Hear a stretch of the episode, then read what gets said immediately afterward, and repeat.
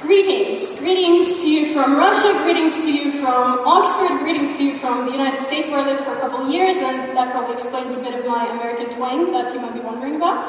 Uh, I'm so excited to be here this morning. It's such a privilege, such a joy, and uh, there's nothing more beautiful than the people who are uh, seeking God, who love God, whose hearts are open to Him, and so I cannot wait to really get to know some of you today uh, during the breaks, and just really, really looking forward to this friendship between all of the countries that we all represent here uh, established. Today, we are speaking on the exciting topic of love, right? And um, I already told you I'm coming from a place where we're engaging with a lot of intellectual questions. And the beautiful thing about intellectual questions is that people are interested, but they're only interested here, right? And then when we talk about the topic of love, this is one topic that cuts through the heart of every human being. There is not a single person in this room or outside of this room who's not interested in the topic. Uh, the famous uh, philosopher and psychologist of the 20th century, Erich Fromm, said there is hardly any activity, any enterprise, which is started with such tremendous hopes and expectations, and yet which fails so regularly as love. And so today we're going to engage with the question why? What is love? Why do we create so much? Why do we fail at it so often? What does God say about love?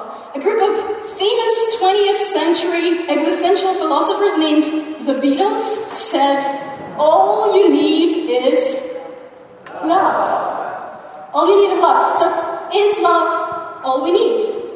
Do we need it at all? What is love, to begin with? As I was preparing for this time with you guys, I read more than a dozen of books on love. It was quite, quite a sort of sprint for me.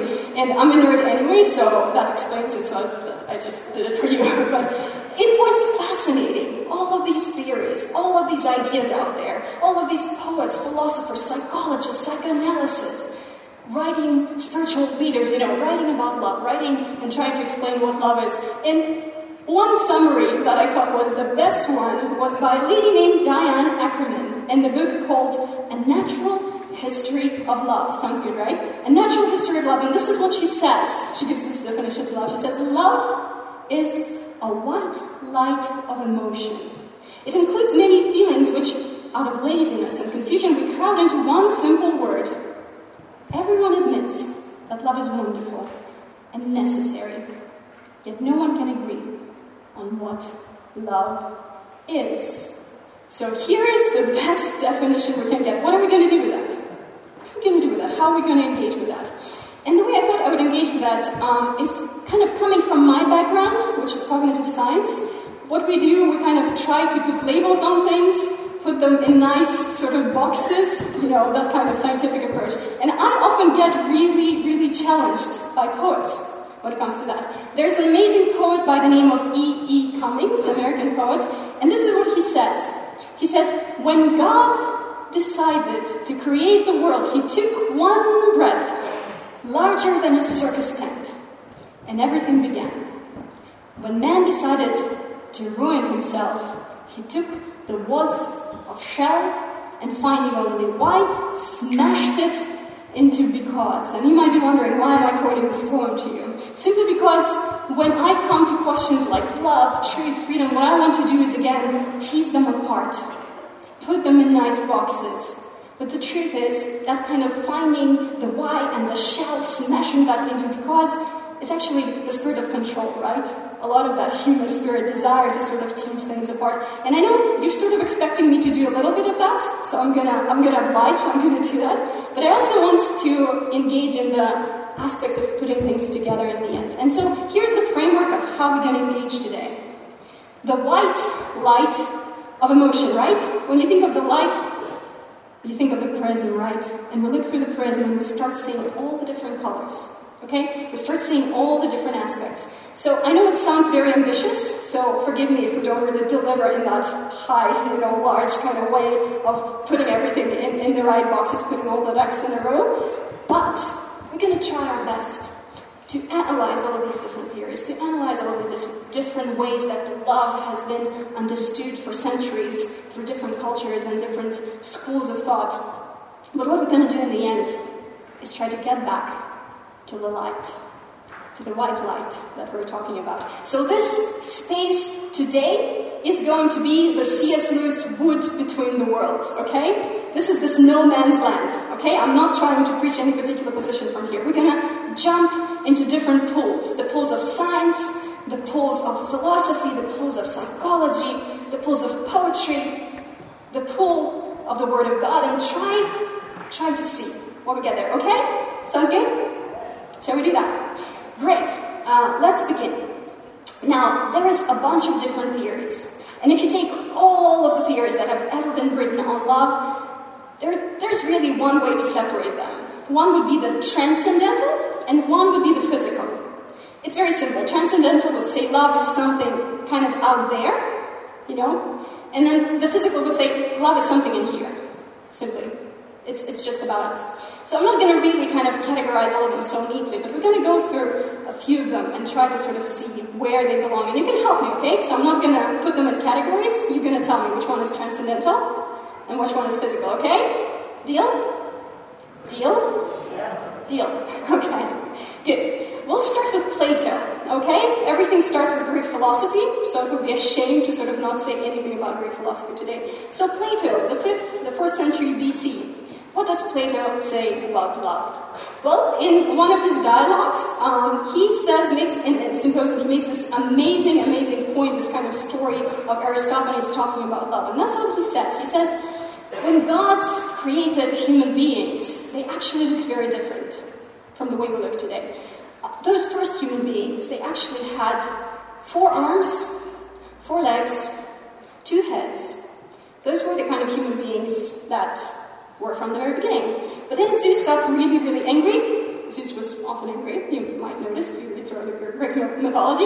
And he started throwing his lightnings at those people. And this is how, you know, uh, probably the dinosaurs ended up, up looking like lizards. And this is how those amazing human beings who had four arms and four legs and two heads ended up split in two. So as they ended up split in two, Zeus also threw them all around the planet. So Love is basically when these two human beings who are actually one before they find each other, they fall in love. This is what love is all about, says Plato. Does that sound familiar? Okay, your guys are unusually quiet. Does that sound familiar? Yeah, right? We're looking for our other half. That one person that will see us and understand us because they're essentially a part of us, right? We don't know that this is Plato. A lot of us never, never heard that story by Plato.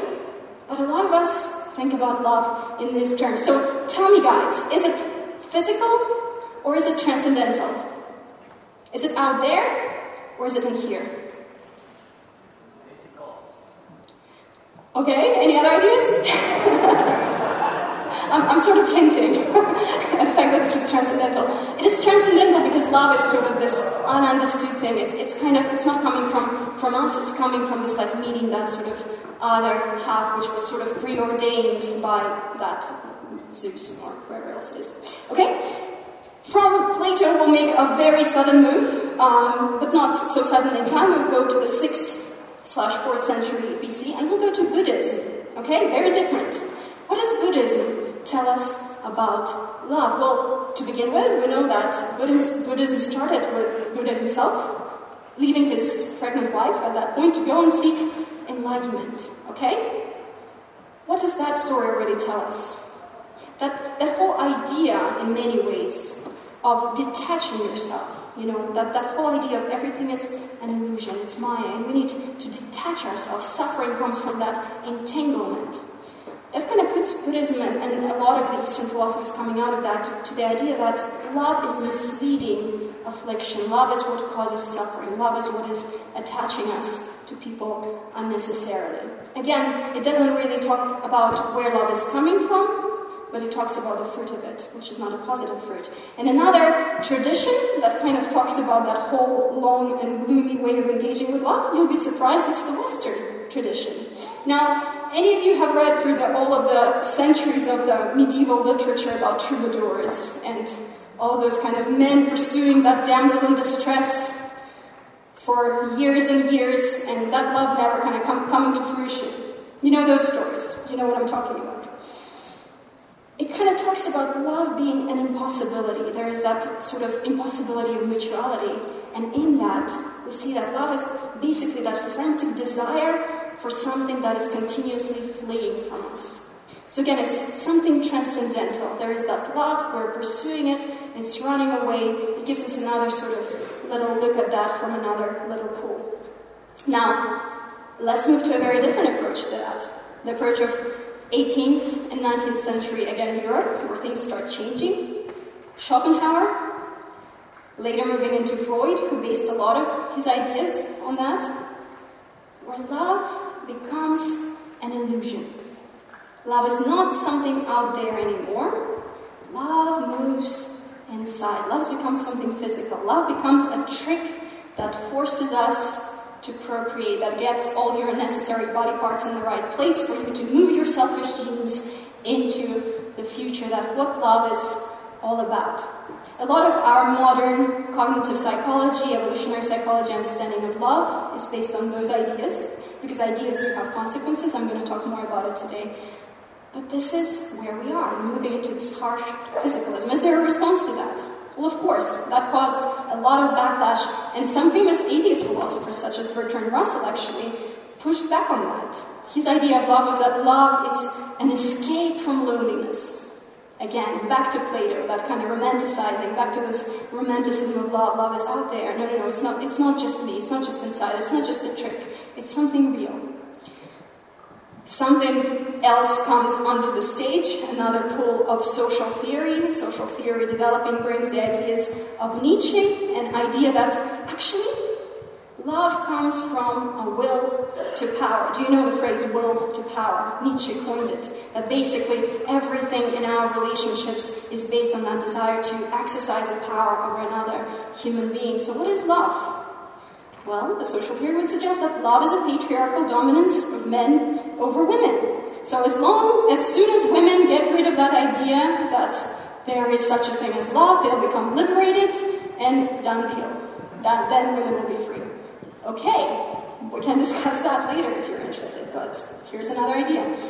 Now, if we move into the ideas of certain poets and certain artists, such as Gustav Klimt, we get into the idea that is again closer to our hearts probably today the idea of fulfillment, right? Again, back to romanticism.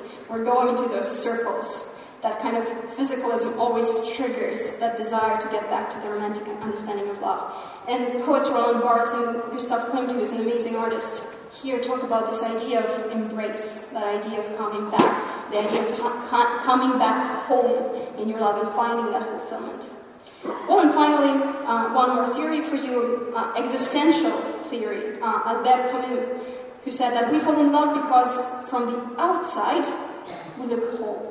And we have that desire for wholeness. All of us are struggling with that understanding of us being somehow broken inside. Again, an atheist philosopher saying that. And he says we, we hunger for that wholeness. And as we look for that wholeness in the other person, we find love. This is what love is all about. What do we do with this? What do we do with all these scenarios? How do we even begin to comprehend all of these ideas? How do we even begin to bring them together? There's this amazing lady uh, by the name of Marilynne Robinson who wrote uh, on history of ideas. And she says, well, actually, when you look at different ideas, and here she talks about ideas of what does it mean to be human, she says Freudian neurasthenic is not Darwinian primate, who is not Marxist proletarian, who's not behaviorist organism available to be molded by different regimes. Basically, she says there is no way at all to bring all of these ideas together, right? There is a problem here. You look at all of them, they're all trying to tell you something, but they don't fit. They don't work together. What do we do with that? Well, maybe language is going to help us, right? Any linguists here? No linguists here? because I started my career as a psycholinguist, so watch out, guys. Um, psycho is probably the key word here. But um, linguistics will help us maybe find something out here. If we look at the origins of the word love, we find that in Sanskrit, the core, the sort of one of the oldest languages, the core meaning of the word love is lup, which is desire. We have all the words uh, in English and German and all of the languages that came out of it coming from that root. So, is it all about desire? If we go into the Greek language, we find that there are four words for the word love. How many words are there in Norwegian? How many ways are there to describe the word love? Two. Okay, so there is. Okay, which means? Okay, and the second one? Uh huh, that's very interesting. So I think what Norwegian language might be pointing here to is um, this, one of the meanings of love, which is storge in Greek. So C.S. Lewis, and I saw there is quite a bunch of his wonderful books out there uh, that I really heartily recommend. He wrote a book called The Four Loves, where he brilliantly, brilliantly analyzes the four different Greek words and their meaning and, and how we even start comprehending the idea of love. And he says, yes, just one word, as Diana Ackerman said, is not enough. We just can't put all of these white lights, which are transferred into different colors, into one word. But Greek gives us four, so one is storge. What is storge? Storge is probably the second word that you just said in Norwegian, that kind of care. Storge is that idea of affection. Storge is what a mother and a father feel for their little child. Storge is that hovering over your little bird, is kind of covering, uh, feeding, caring. That is what storge is all about. But that's not the full extent of love, right? There is philia, and philia is always often translated as friendship love. Do you know the city called Philadelphia in America, in the United States? Philadelphia is the city of brotherly love, and I lived there for a few months, and they constantly joke that it's actually a city of brotherly hatred because there's so many murders happening there every day. But here we go filio, philia, love. And it's the kind of friendship bond. This is what philia is. C.S. Lewis, when he describes philia, he says, This is the kind of love that doesn't look at each other. This is the kind of love that looks in the same direction, right? This is the kind of love when we look at the person and say, No way, you too, you also enjoy this. I never thought that somebody else would love this. I thought I am alone in the world. This is the kind of love that philia is, the friendship love. And from there, we move into the eros love. Well, I don't need to tell you what eros is all about. It's already been told us by, by the whole kind of Greek eros deity that is uh, describing that passionate, erotic, romantic bond that eros is all about. That kind of love that we probably are asking about today, trying to understand have we lost that loving feeling? Why is it so fickle? Why is it here today and gone tomorrow? And why do we desire that kind of eros love so much? What is it in us that causes us to hunger for it? And the most interesting love here, one of the biggest chapters in C.S. Lewis's book, is the chapter on agape. And agape is often understood as God's love, or as it is often translated, charity. The love that is unconditional the love that is given without any cost, the love that can be given without anything coming back from the other direction. And the interesting part here with that agape is what C.S. Lewis says about the all three other kinds of love. He says, if you take any one of the previous three kinds and put them at the top of the stack, all those loves turn into demons all those loves turn into the small g gods that start ruling your life. And isn't this what we see? Isn't what we see in the mothers who are obsessing over their children? Isn't this what we see in the friendships that are broken by jealousy and by competition? Isn't this what we see in the romantic relationships that are broken? Every moment of every day, someone is dying of that heart pain because of Eros becoming the god of their life.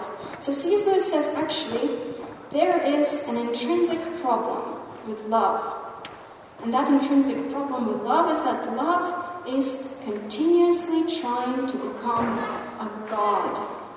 So let's talk about that idea of love being a God. What does it mean? And I am going to bring in three atheists into this conversation, okay? Three atheists, uh, one English, one French, and one American. Starts like a beginning of a joke, right? Already interesting. So a Brit, a French, and an American in a conversation. So one would be Ernest Becker, one Alain de Botton, and Luc Ferry. All atheists, right? And you will be surprised, you will be amazed at what they say about love and how these three will engage with each other. Now, what does Ernest Becker say? Ernest Becker wrote this Pulitzer winning, um, Pulitzer Prize winning book called The Denial of Death. He's a psychologist. He's been working with this idea of why do we fear death so much. And in this book, The Denial of Death, he has the whole chapter, which I heartily recommend that you read. It's, it's online. You can just find it, find it online. That chapter. The chapter is called The Romantic Solution. The Romantic Solution. So in that chapter, he says, in our Western society, in, in, in any society, we always crave for love. We always appreciated love, right? It's just a statement that doesn't need any proof. But he says in our Western, modern society, love is not simply important. He says love becomes all important. Do you know why? He says that what happens in the 20th century, what is called the modernity, that shift in philosophy, and again, I kind of engage a little bit with those ideas of transcendental, that loss of transcendental, moving into that physical. He says what happens with that move is very, very interesting psychologically. He says we're the first society who has widespread belief that there is no ultimate future, there is no existence beyond the grave, and therefore there is no eternal significance. There's no heaven, right? No eternity. So doing, we believe that we are really insignificant, right? That kind of sense of eternal significance is gone. That makes us feel quite insignificant. But we still want to find something that gives our lives meaning and significance. And if it's not God, how do we do this? One of the first ways that occurred to the modern person was the romantic solution. The self glorification we need we look for not in God anymore, but in a person who loves us. What do we hope to find in this person? We want to be rid of our faults, of our nothingness. We want redemption nonetheless. Isn't that amazing? Isn't that amazing coming out of the mouth of an atheist who says, We crave love because we put our identity in it. We try to identify ourselves through the other person. You might say, Well, here's this one guy. It's very interesting that he had those ideas, but who knows why he had them? Maybe he had some kind of background spiritually. Who knows? Well, let's let's talk about Alain de Botton, friend, uh, English guy. And this is what he says. He says, What does it mean that man is a social animal? Right? That idea of us being nothing more than physical kind of beings. Well, he says it means basically that we all need one another in order to define ourselves. We need someone else to tell us who we are. Somehow, being social animals, for us, it's not enough to bring our own definition. We need someone to define us. And then he says, perhaps it is true that we do not really exist until there is someone there to see us existing. Do you guys know the story about the tree falling in the forest? You know what I'm talking about? If there is a tree falling in the forest and there is no one there to hear this, does it make a sound? What's the answer? Here's cognitive science for you 101. Yes? Well, the answer is no. Because what is a sound?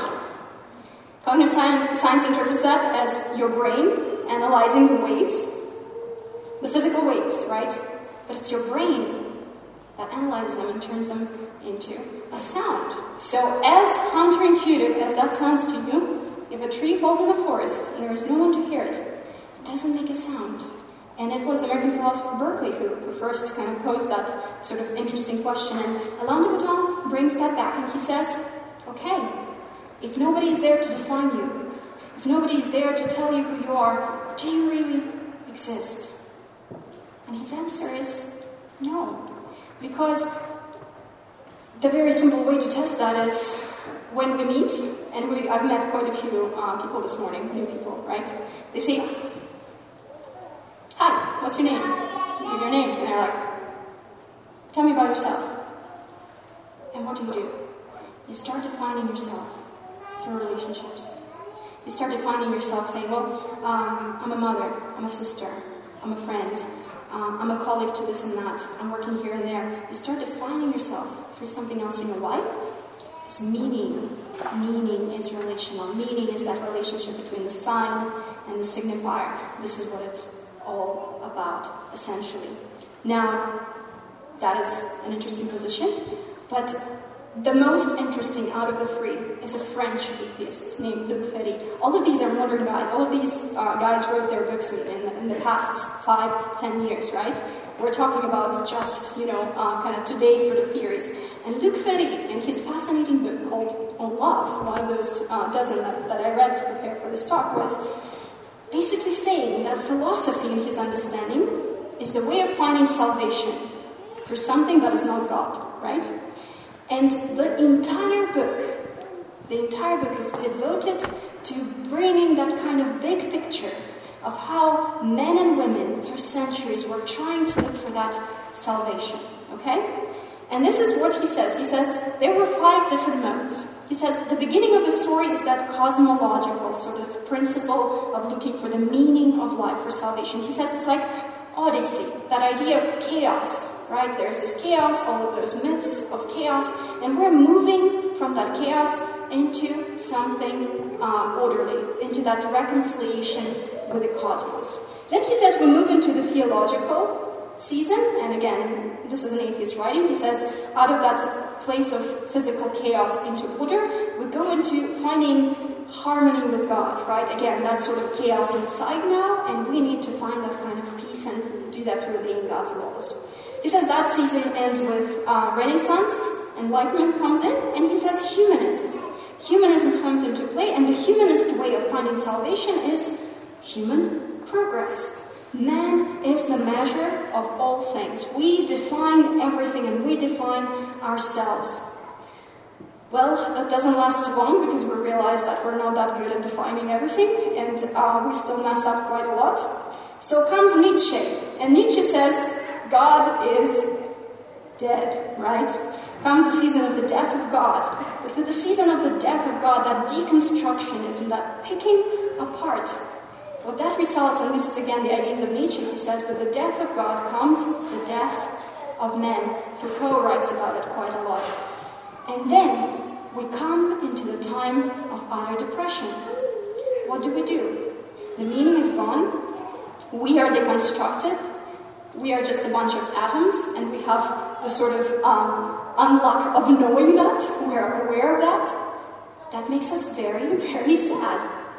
And that's the solution, again, romantic solution that the French atheist is now suggesting. Luc Ferry says that we are entering the new season.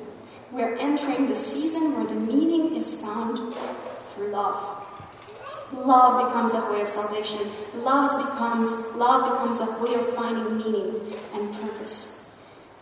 We are made sacred by love says Luc Ferry.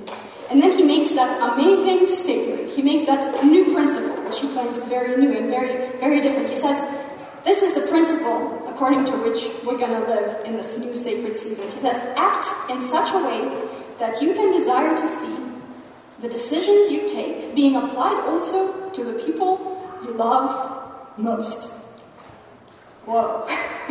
Revolutionary, right? It's, it sounds familiar? Does it sound familiar to anyone? The Jewish Shema, or the Christian Golden Rule, essentially says the very same thing Do unto others what you want to be done unto you. Is that a new principle? Or is it the principle that has been there all along? Now, there is another interesting thinker, a Russian thinker. I'm coming from Russia, there's no way I'm not going to bring a Russian thinker, right? Leo Tolstoy. Anyone has been watching that whole series on uh, War and Peace here? People were obsessing over it in, in, in the UK, and uh, I haven't watched any, so it was kind of helpless uh, trying to comment. But Tolstoy, in his book on life, and he was quite a sarcastic guy, he bemoans that whole obsession about trying to find meaning through love, and he says, that the problem with the gravest misconceptions that we have with love is the confused knowledge of men and idea that in love we can find cure, curing and remedy for all the miseries of life. He basically says that idea that love is God is problematic. There is a serious problem with that, and we need to do something with it. Now, what do we do with it? Do we have any solution? Is there some solution in this room that perhaps we know something that people don't know out there that we can offer that can help? So, from the idea that love is God, which is, as you can see, hopefully, from my lengthy, lengthy introduction into the uh, Western and not only Western philosophy, that idea is all encompassing. But what do we do with the Christian statement of the Bible that God is love. How do we even begin making sense of that? Now, the way we begin making sense of that is by going to the very beginnings. As we know, let's go to the very beginnings. It's a very good place to start, right? So let's go to the beginning. What was in the beginning? Word. In the beginning was the Word, and the Word was God, right? So, who is this Christian God that we're talking about? And we need to go back to the profound and beautiful doctrine of Trinity.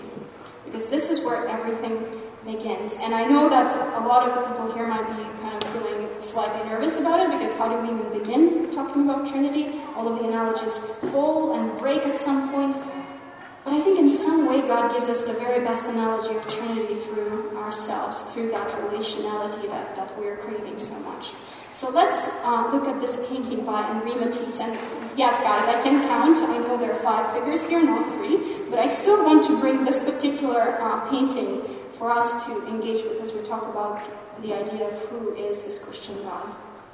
Now, when we talk about the Trinity, one of the best ways the early fathers described the Trinity was through the Greek word perichoresis. And the English word choreography is now coming from that root, chora, and that means place and that means circling around, right? I don't know, do you have that tradition of kind of dancing together in a circle? That is a beautiful Russian tradition of dancing together in a circle. I don't know if a lot of a lot of different traditions, a lot of different cultures have, have that kind of dance, circular dance. And I think in many ways it has that way of describing what is happening in the Trinity. It's that way of focusing on the other, right? When you're dancing together, you're not doing your own thing. You are dancing with. And within the Trinity, the statement that God is love only makes sense if God is more than one. It's not the sort of three persons who are all different working together, and it's not at the same time one person taking on different masks. It's that mystery of the Father focusing on the Son and the Spirit, the Son focusing on the Spirit and the Father, Spirit focusing on the Father and the Son. It's that giving and outpouring. The other two Greek words used to describe the Trinity are ekstasis and hypostasis. And it's really, really simple. Ekstasis, we got the word ecstasy from. What is it? Focus on the other. Hypostasis, focus on the self. Hypostasis is what describes you as an individual, your unique qualities, right? Ekstasis is your relationality. And this is how Trinity is described in these very terms that the Father, the Son, and the Holy Spirit have that unique qualities, unique only to the Father, unique only to the Son, unique only to the Holy Spirit.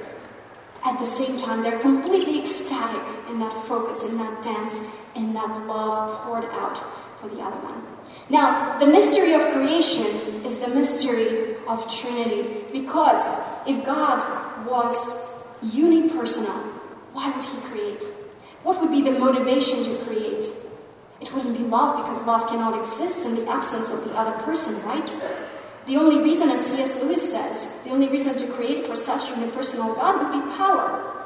The world would be based on the desire for power, desire to create beings who would worship because they have to. But you see, the Christian God is different. Trinity is different. Trinity is already experiencing that God, so the motivation God has in creating is not power, it's love. It's not to get love out of us, but to give love to us. And this is beautiful. In that moment of creation, when God creates all the world, there comes that point where He says, and He creates, He speaks us into existence. The first kind of creatures that are just like God in that ecstasis and hypostasis, in that ability to be yourself, to be unique individual, and connect, that desire that desire to connect with the other being. And I suggest, guys, that this is where the roots of love are. This is where that deep desire for relationality is. This is why we're social animals. This is why we're wired for connection cognitively. This is why we crave love so much. We were simply made for it. This is that ancient law. This is that deeper magic that Aslan is talking about in the Chronicles of Narnia. Now, have you ever wondered about the question what the tree was doing in the garden? the tree of knowledge of good and evil, have you ever asked yourself? Because I ask myself quite a lot. Ever since I became a Christian when I was 17, I've been asking myself this question all the time. Was there any other way? You know, that, that whole intellectual problem of suffering comes out of there. Couldn't God create garden in some different way? Did the tree, whether that is a real tree or proverbial tree, whatever it is, did it have to be there? And you know what? The answer came to me when I was reading works uh, by an American sociologist named Brene Brown. She's studying ideas of shame and ideas of intimacy. And there are beautiful TED Talks that you can watch online where she's talking about that. Again, she is a secular sociologist, psychologist, but she says a very interesting thing. She says, in order for connection to happen, we need to allow ourselves to be really, really seen. But for some reason, we can't. For some reason, there is that shame, that fear of being naked and not ashamed, that, that nakedness. That is a big mystery to sociologists. And as I thought about that, I realized that there is something very interesting happening in that idea of the tree of knowledge of good and evil. And you know what it is? What happens with the tree? God plants it, and He says, Trust me, trust me with the tree. Don't eat from it. But God creates a place of vulnerability. The perfect, invincible God, God of love, creates a place where we can come hurt Him. And this is very unique, guys. This is really unique. Because all of us know that when we look at someone perfect, it's really hard to be around them, right? When there is absolutely nothing that we can say, oh, there's that kind of quirk, you can't connect. You feel so insecure around people who are completely, you know, have that facade of neatness. But God doesn't do that to us. He creates that place of vulnerability where He can be hurt. He creates a place where we don't have to, we're still, you know, doing it. And we'll talk about it a little bit more today. But coming back to the beautiful words of C.S. Lewis, he says, To love at all is to be vulnerable. Love anything, and your heart will be wrung and possibly broken. If you want to make sure of keeping it intact, you must give it to no one, not even an animal. Lock it in that safe, deep casket. But there, there, it won't be broken. But it will become unbreakable. It will become solid as the rock. It will die inside that old stone casket. To love is to be vulnerable. And we're going to talk more tonight about the ideas of the fall and ideas of what is happening in that place of the fall. But I wanted to do a couple more things tonight before we move on uh, to our seminars, is kind of ask about that fear. That fear that we all have, the fear of that nakedness, the fear of being seen the way we are, and why we experience that shame. And what I wanted to do is just focus a little bit on one of the favorite movies I have about love. Has anyone seen it? Eternal Sunshine of the Spotless Mind. The reason I'm bringing this movie is uh, because of his genius producer, Charlie Kaufman, who wanted through this story to do something different. This is what he says. He says, It was important to me to put out in the world something that seems true. The kind of relationship that is not just that ideal sort of saccharine sweetness of love that we see in all sorts of uh, movies on love. He says, That damaged me right? And probably damaged a lot of us too in our ideas of what love is about. He says, I wanted to bring in something real. And so, what he does in this movie, uh, uh, and we're going to watch the clip in just a moment, what he does in the movie, he is bringing that moment, that kind of whole story of two very real people. Joel Barish, who's this kind of nerdy guy, uh, boring, sort of, doesn't seem to be that interesting when you just look at him at the surface. And Clementine. And Clementine is crazy. She's dyeing her hair all sorts of rainbow colors all the time, and she's very creative and she's really fun. And they fall in love, right? Just simple story. They fall in love, of course. Five months later, there are irresistible, irreconcilable differences that come into play because they're so different, it's not really working for them. There's this terrible breakup, and there comes an interesting the story. There comes this um, company called Lacuna International that can erase your memories. And they find out that in the end, they both erase each other from their memories. We end up, the whole movie is kind of that play where we find out that they meet again, right? After they have erased each other. They meet again and they fall in love again, and the whole story starts happening all over again, except for this time they suddenly find those cassettes. And in those cassettes, there are the recordings of all their past faults, of all the brokenness, all the things they've done to each other, and they both listen to them, right? It's very kind of short intro into the movie. And we're going to watch a clip, that moment where they find out. And um, this is called the famous corridor scene. You know, uh, it's been analyzed quite a lot in, in, in um, studies of, of movies, film. Where, what, what is happening in that corridor scene? Where they have already found out what is going to happen to them if they go for this relationship. What are, what are they going to do? What are they going to do in that moment? Let's watch it together. Yeah, I wouldn't think that about you. Because I don't, I know. Because it really hurts me that you said that. I'm so sorry. I'm sorry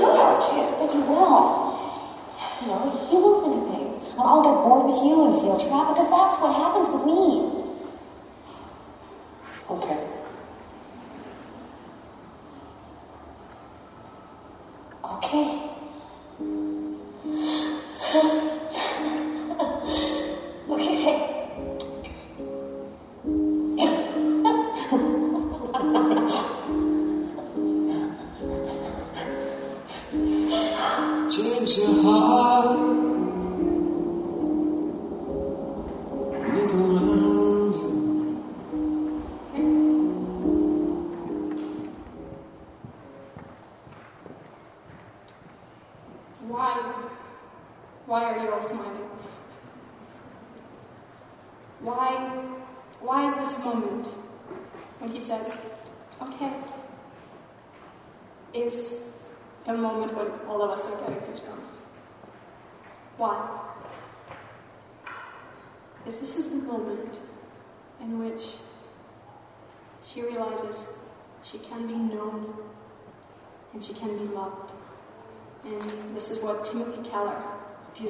points out in one of his sermons on love, where he says, We lost that ability to be known and to be loved in the garden. When we reverted from that ecstasis, focus on the other, focus on God, focus on the person in our life, and removed that kind of consciousness and placed in ourselves that new consciousness of hypostasis, me, self.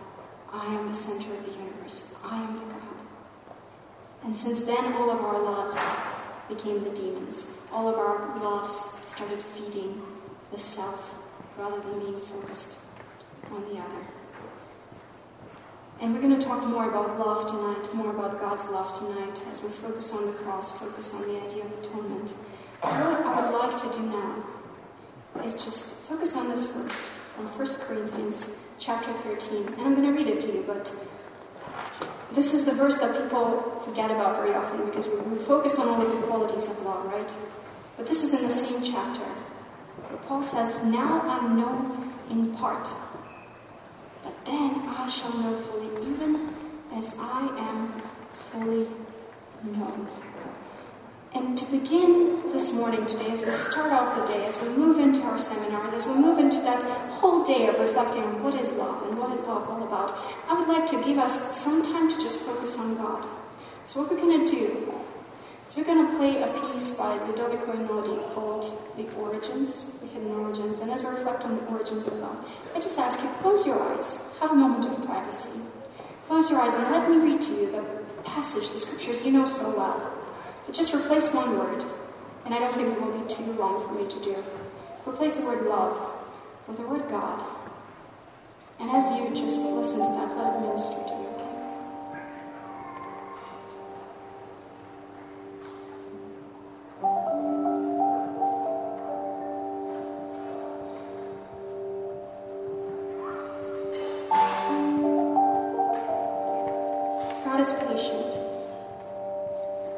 God is kind. He doesn't envy. He doesn't boast. He's not proud. He doesn't dishonor others, and he's not self seeking. He's not easily angered. He doesn't keep any record of wrongs. Doesn't delight in evil, but rejoices with the truth. He always protects, always trusts, always hopes, and always perseveres. God doesn't fail. Where there are prophecies, they will cease. Where there are tongues, they will be stilled. There is knowledge,